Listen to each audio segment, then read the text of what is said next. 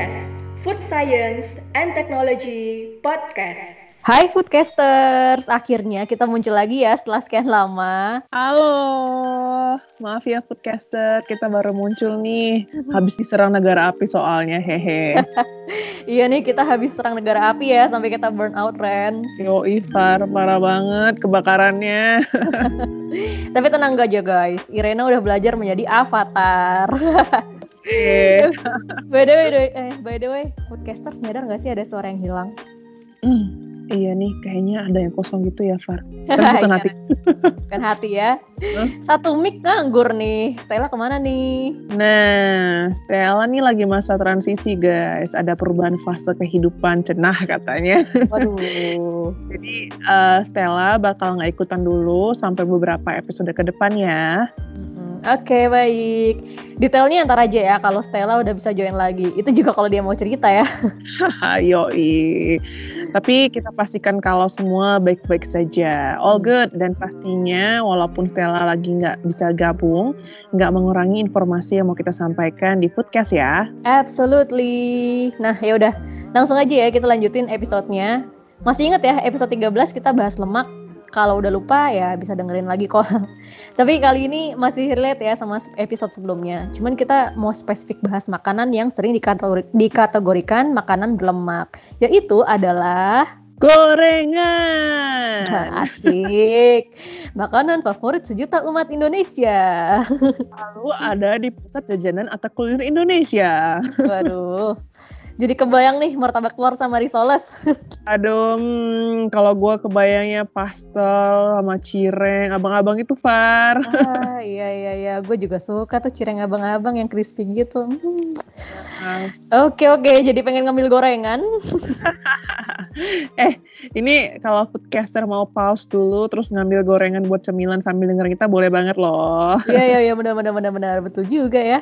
Dengerin foodcast yang paling asik adalah sambil ngambil guys. Tapi kalau udah diambil cemilannya, ya, nih misalnya kalian udah udah nih udah diambil cemilannya.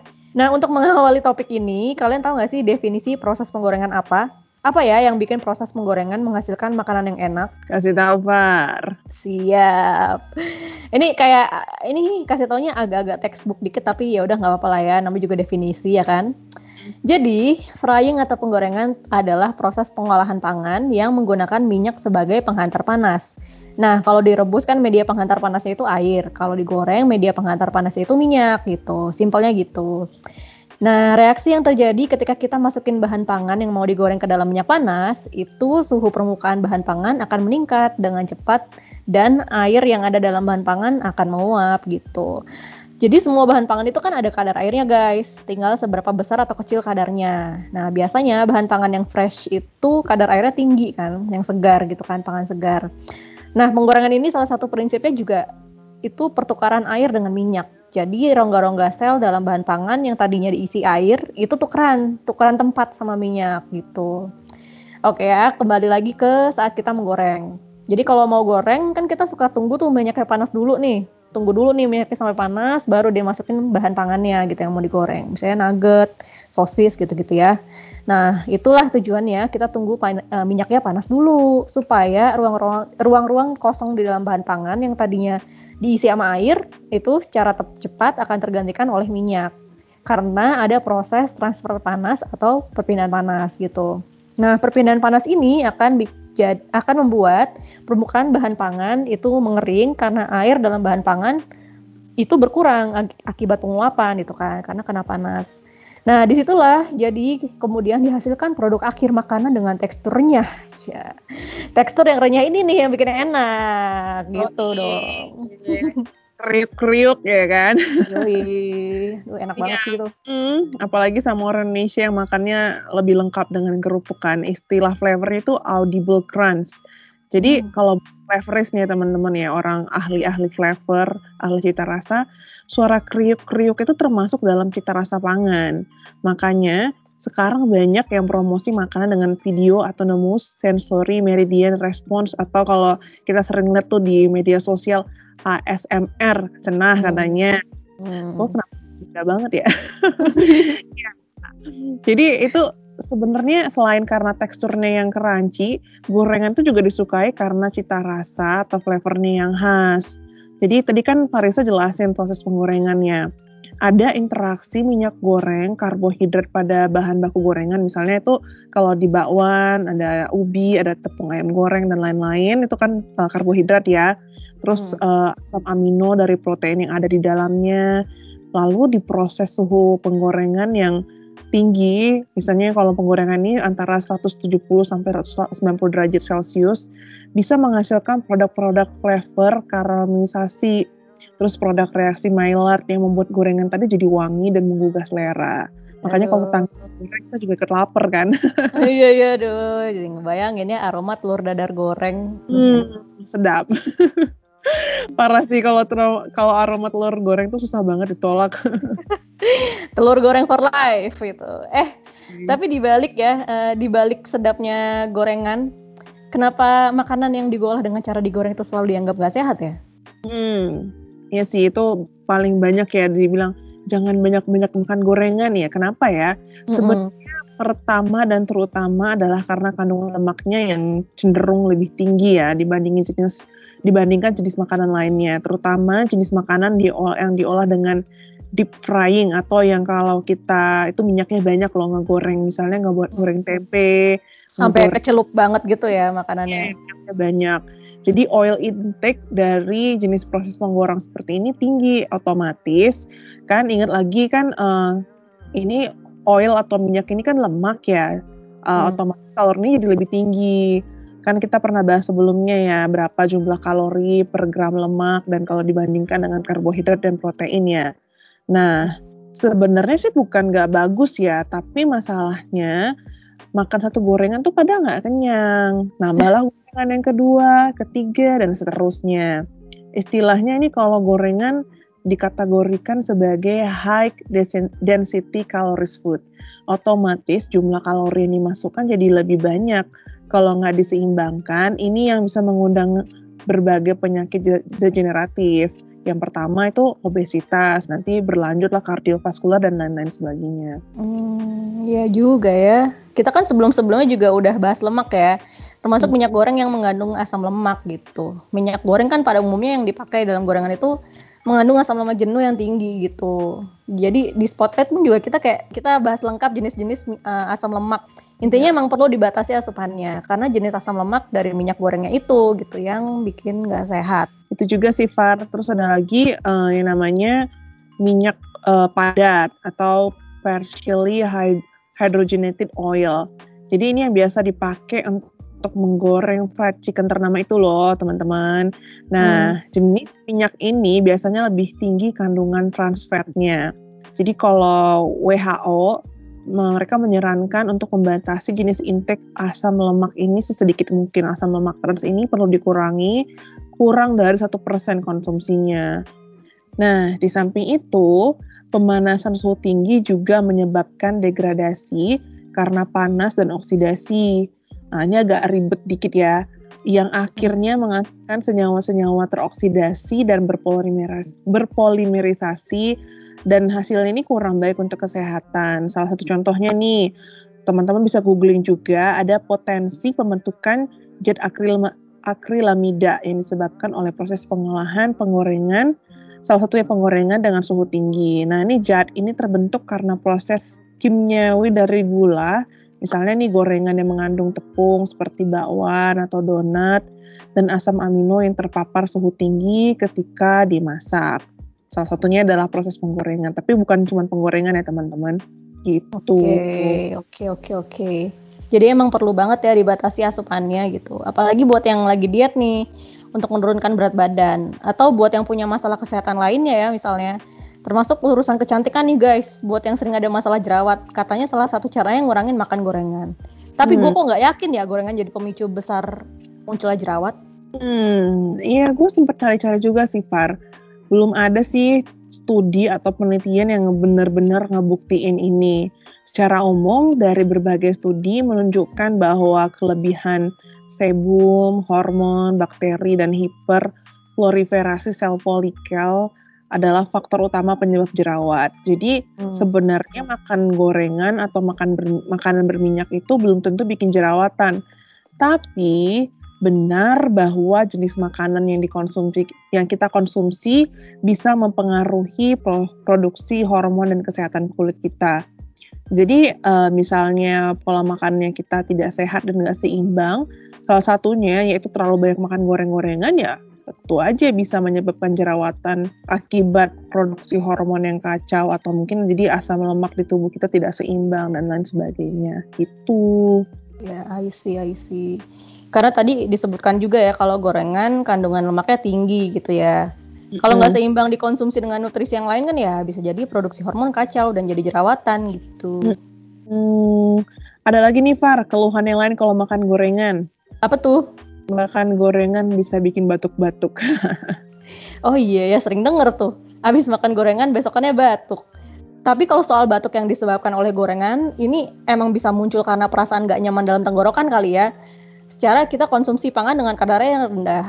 Terus jadi tenggorokan rasanya kayak iritasi gitu ketika makanan kering lewat dan jadi terasa gatal. Makanya perlu minum setelah itu, gitu kan?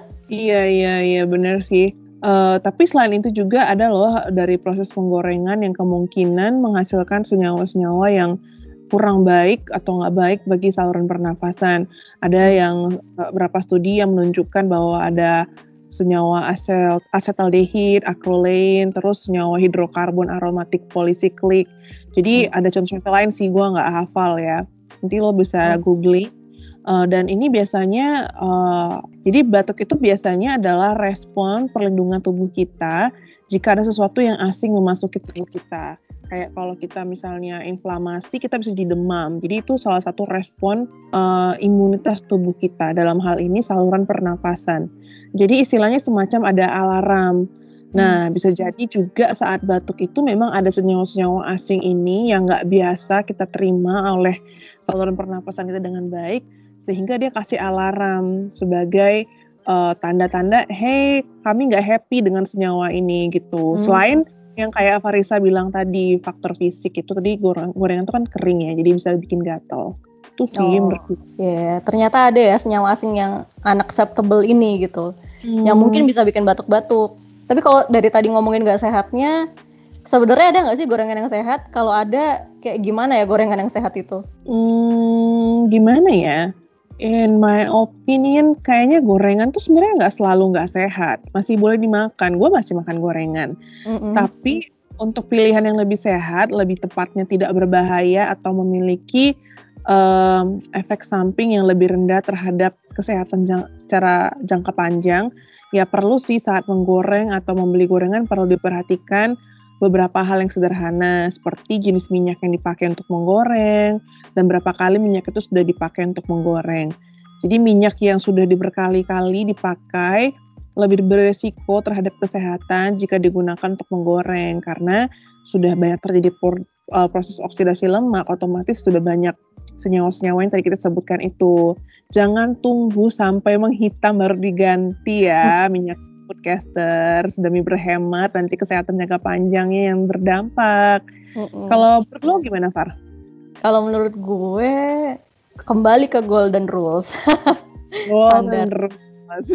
standar habis gitu kan. Tapi tapi iya sih gorengan yang sehat dan risikonya ya kalau risikonya terhadap kesehatannya rendah tetap bakalan jadi nggak sehat kalau dikonsumsi terlalu sering dan berlebihan gitu kan. Terlepas dari proses penggorengannya ya dan minyak yang digunakan tadi kayak yang lo ceritain, cara konsumsi gorengan pun juga perlu diperhatikan gitu. Misalnya kita bisa ngurangin minyak di gorengan dengan cara biasanya kan suka disaring tuh ya pakai tisu gitu kan minyaknya sampai agak kering gitu. Atau sediain air air mineral gitu supaya nggak batuk-batuk setelah makan gorengan. Intinya hmm. minum habis makan. iya iya iya. Lagi pula ya foodcaster kita memang harus mencukupi kebutuhan air, air harian ya kan ya. Gue sambungin hmm. aja semua. Iya. Makanya harus minum dong apa pun makanannya. Minum air ya nggak usah pakai yang merek itu juga nggak apa-apa. ya sekalian mencukupi kebutuhan cairan harian juga. Iya betul betul. Mau ma mau makan apa pun kalau abis itu nggak minum ya bisa batuk-batuk juga sih kan karena seret guys gitu maksudnya.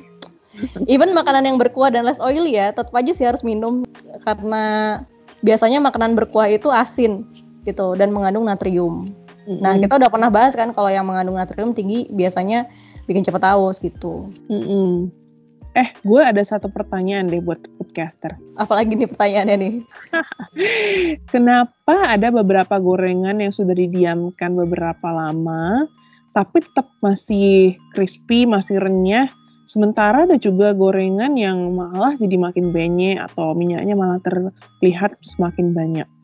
Uh, ini karena minyak goreng yang digunakan itu pakai yang jenis minyak padat di suruang kan? yang tadi lo sebut partially hydrogenated oil itu kan? Tereng, betul.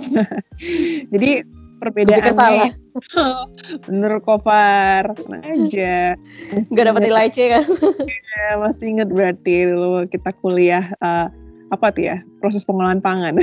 Iya. Eh bukan Jadi, kimia pangan ya? Oh bukan ding. Ya ya bro ya. pengolahan pangan. Ya, oke lanjut. Jadi perbedaannya dari jenis minyak atau asam lemak yang digunakan untuk menggoreng ya guys. Kalau pakai minyak atau lemak yang berbentuk padat di suhu ruang ini agak spesial gitu hasil akhirnya. Jadi dia punya kerenyahan yang udah agak uh, lebih lebih renyah gitu ketika walaupun sudah dingin. Tapi kalau menggunakan minyak atau lemak yang berbentuk cair dalam suhu ruang, biasanya gorengan tersebut menjadi lebih banyak atau terlihat berminyak dari saat dibandingkan saat baru digoreng atau masih panas gitu. Hmm. Nanti kapan-kapan mungkin kita bisa bahas lagi ya. Iya ya, agak panjang juga sih kalau bahas spesifik khusus partially hydrogenated oil tadi ya. Hmm. Kayaknya tapi kalau kayak gitu-gitu juga ya tergantung kadar air dalam bahan pangan gak sih? Kalau masih mengandung misalnya tetap crispy itu tergantung dari kadar air kan dalam bahan pangannya. Kalau masih mengandung jumlah air yang tinggi, biasanya akan berkurang kerenyahannya. Iya, bener bener tuh Far. Jadi uh, kadar airnya juga berpengaruh sih ke, ke ke kerenyahan gorengan itu. Iya, soalnya kadar air ini biasanya juga ada peran dari humidity atau kelembapan udara kan. Jadi oh. kelembab kelembapan udara dalam ruangan penyimpanan itu juga bisa mempengaruhi kerenyahan gorengan. Karena aktivitas air dalam bahan pangan itu kan biasanya ngikutin kelembapan relatif dari di udara sekitar kan. Kalau kadar hmm. air atau aktivitas air dalam bahan pangan rendah, tapi kelembaban relatif di udara tinggi, uh, si bahan pangannya bakal nyerap titik-titik air pada udara yang lembab gitu.